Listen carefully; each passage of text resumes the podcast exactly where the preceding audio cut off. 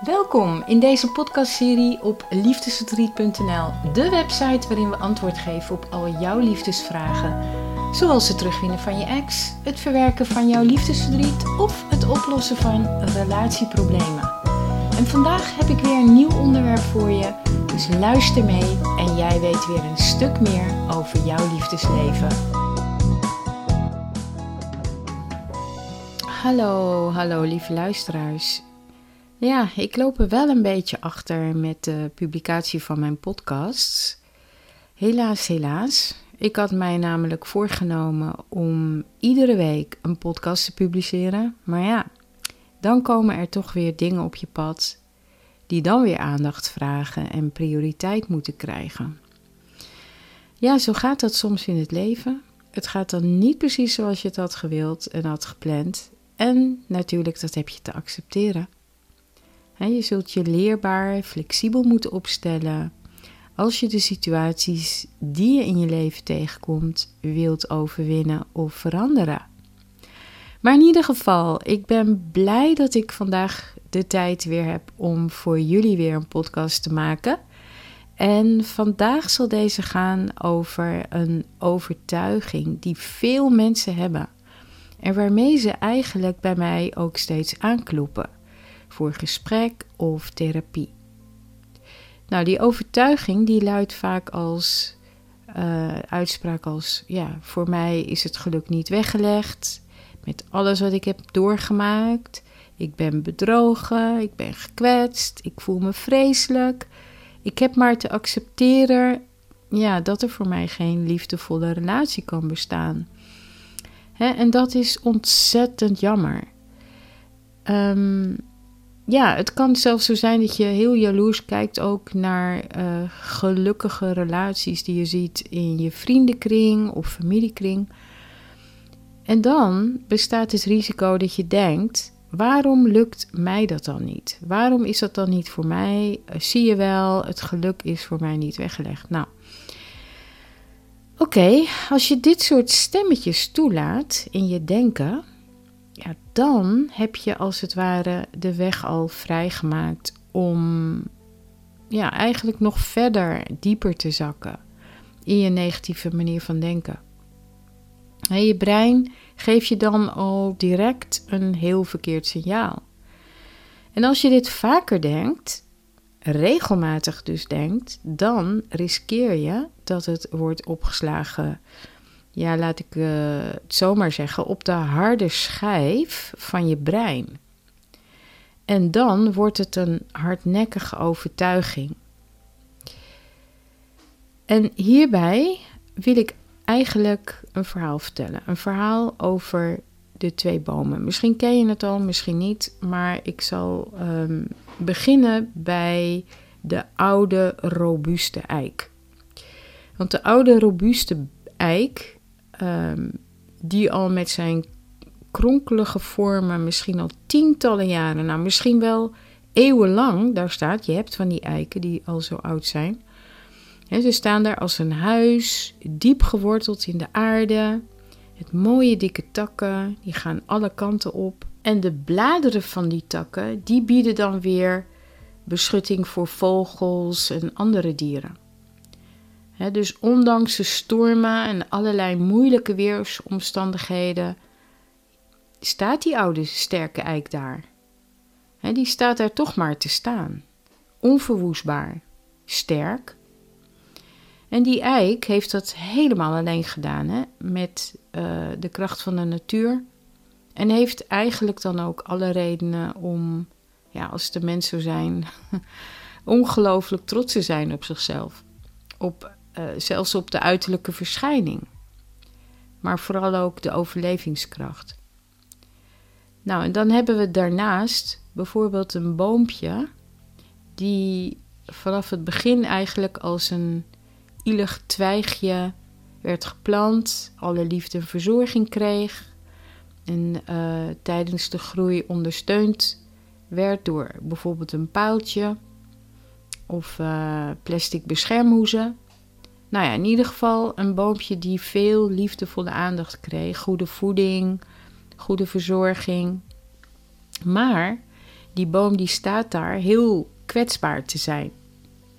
ze is dus eigenlijk ehm, ja, niet op eigen kracht zeg maar, gegroeid. Ze staat er met kunstmatige, vrije, rechte vormen.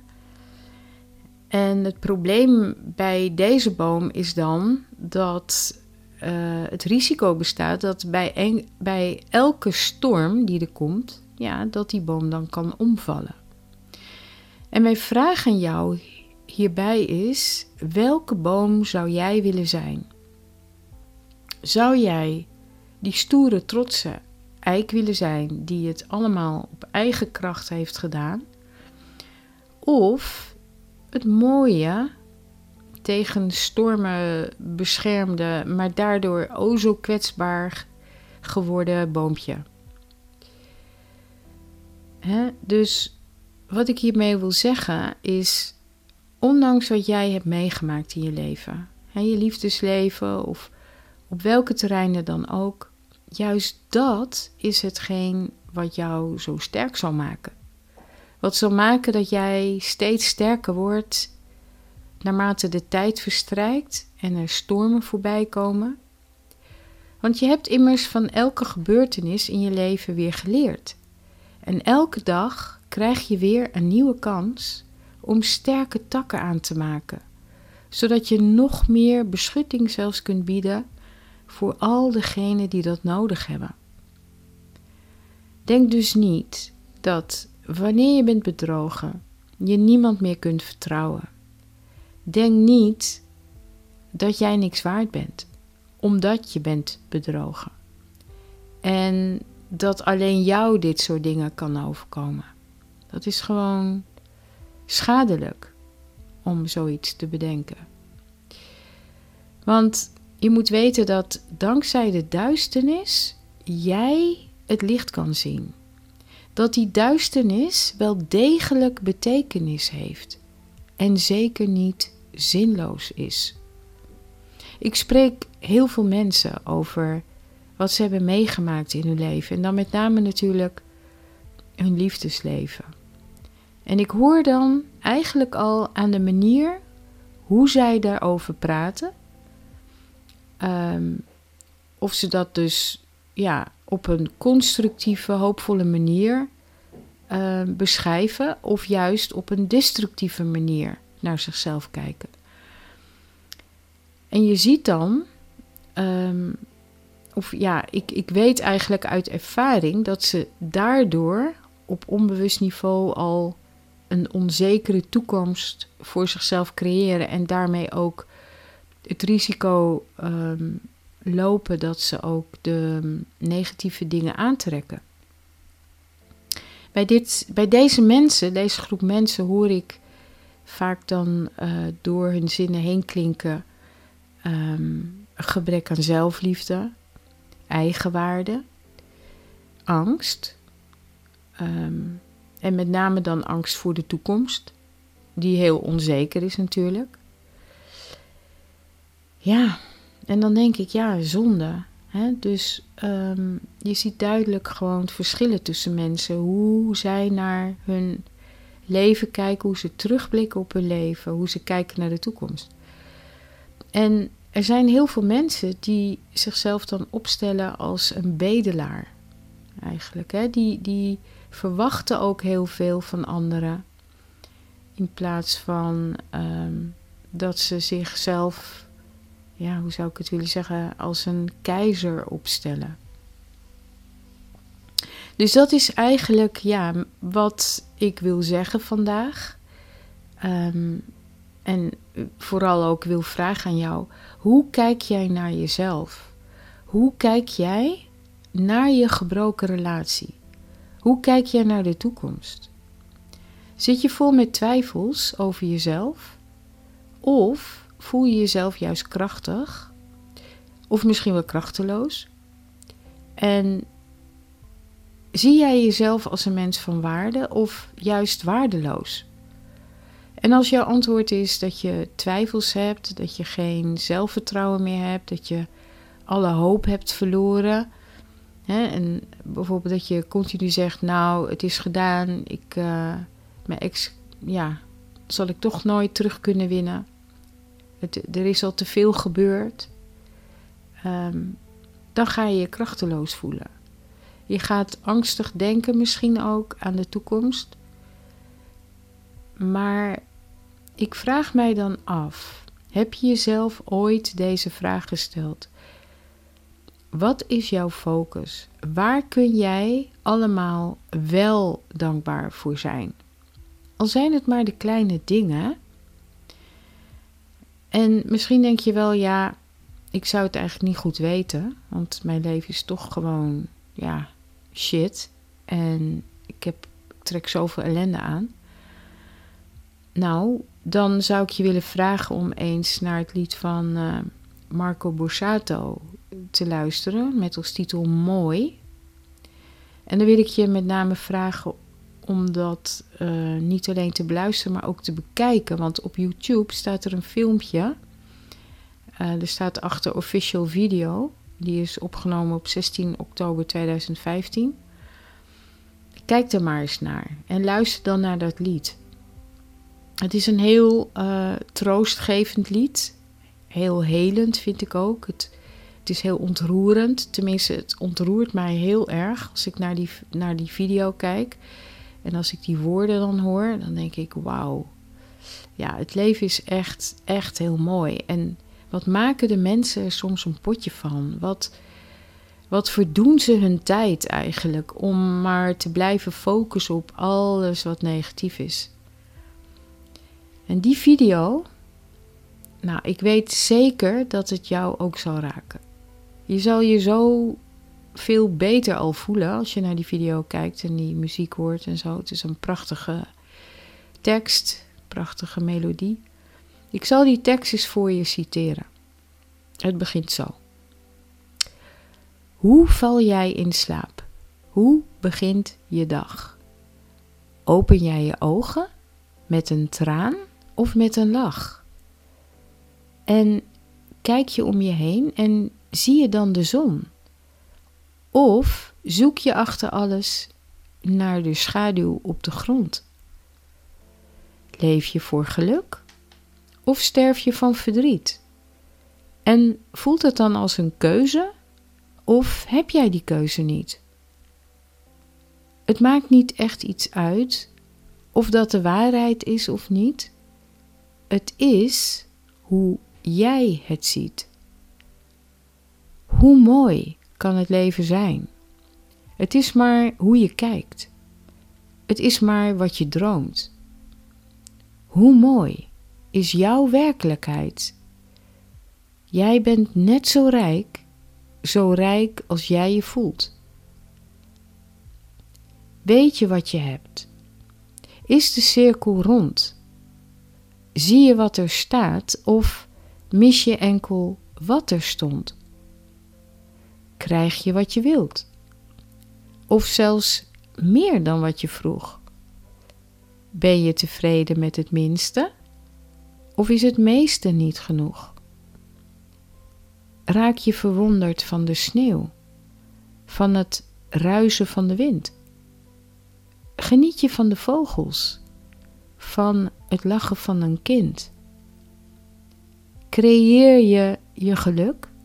Want binnen in jezelf is waar het eindigt en begint. Hoe mooi kan het leven zijn? Het is maar hoe je kijkt. Het is maar wat je droomt. Hoe mooi is jouw werkelijkheid? Jij bent net zo rijk, zo rijk als jij je voelt. En dat gevoel, um, ik ben nu klaar met het citeren van deze tekst, en dat gevoel wilde ik zeggen, um, de manier hoe Marco naar het leven kijkt, hoe hij zich hier uitspreekt in dit lied, zal ongetwijfeld ook de kracht zijn geweest die hem geholpen heeft om door die zware periode na zijn breuk met Leontine heen te komen. Hij heeft toen in die periode ook uh, vaak genoemd um, de vorm loslaten. En dat is ook zo. Het is beter eh, te bedenken: ik moet de vorm loslaten. De vorm van mijn situatie zoals die er nu is. Nu je relatie voorbij is. En dan te geloven in een betere vorm. En misschien is dat wel weer om ja, dat jullie bij elkaar komen. Maar ja, wie zegt dat dat de beste vorm is? Of zelfs een betere vorm? Want het kan ook zijn dat je straks een andere partner tegenkomt. Die gewoon ook veel beter bij past. En dan nog, hè, kun je gewoon ook een goede relatie blijven houden met je ex. En dat wens ik je ook van harte toe. Zeker als er kinderen zijn. Wat heel belangrijk is. Maar als je kijkt dan naar Marco, hoe hij dat dan um, had beleefd, ervaren, doorgeworsteld, zeg maar. Zegt hij ook op het moment dat hij werd geïnterviewd en ja, journalisten erachter kwamen dat hij weer aan het daten was met Leontien. Zegt hij dan ook, ja, we zien wel, weet je, we hebben het nu gewoon leuk.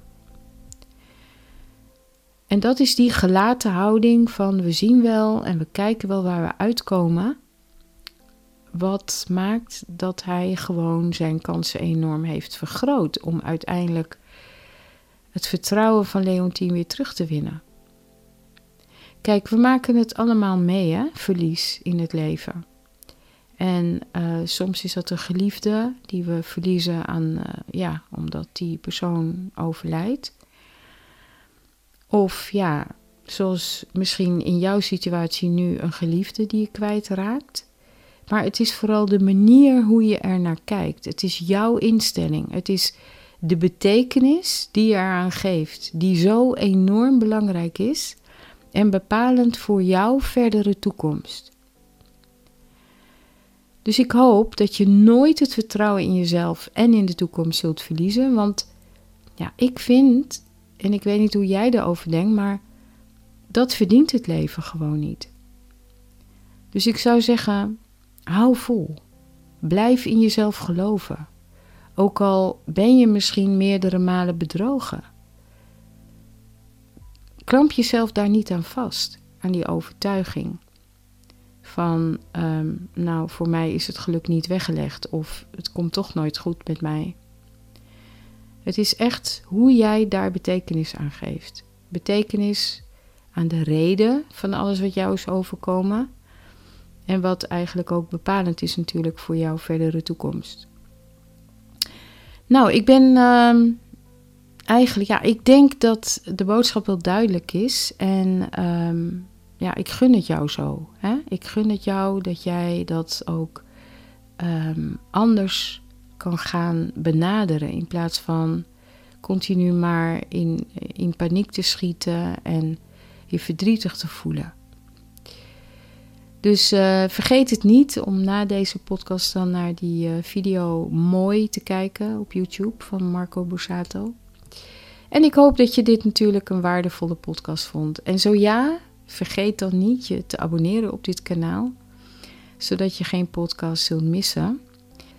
En mocht je mijn hulp nodig hebben bij het verwerken van je liefdesverdriet, het terugwinnen van je ex, nou, schrijf je dan in op mijn website liefdesverdriet.nl. En mocht je hulp nodig hebben bij het herstellen van het vertrouwen in jezelf, afkomen van angsten. Daarbij kun je denken bijvoorbeeld aan bindingsangst, verlatingsangst. Nou, um, ik ben er voor je. Weet je, ik kan je helpen. Um, je zou een coachingsgesprek kunnen aanvragen of uh, je, je je boekt een, uh, een drietal sessies hypnotherapie bij mij. En um, ja, ik uh, heb in de afgelopen weken ongelooflijk resultaten gezien bij een aantal van mijn cliënten die zo blij waren dat ze uiteindelijk ook hun probleem van de relatiebreuk in een ander perspectief leerden zien. En alle emoties naar de achtergrond verdwenen. En ja, gewoon zichzelf beter in, in hun vel voelden. Dus, nou, mocht, uh, mocht je daartoe interesse hebben, je kunt gewoon ook contact met me opnemen. Stuur dan een mail naar contactapenstaatje liefdesverdriet.nl. Ik wens je nog een hele fijne dag. Bedankt voor het luisteren en tot de volgende podcast weer. Dag!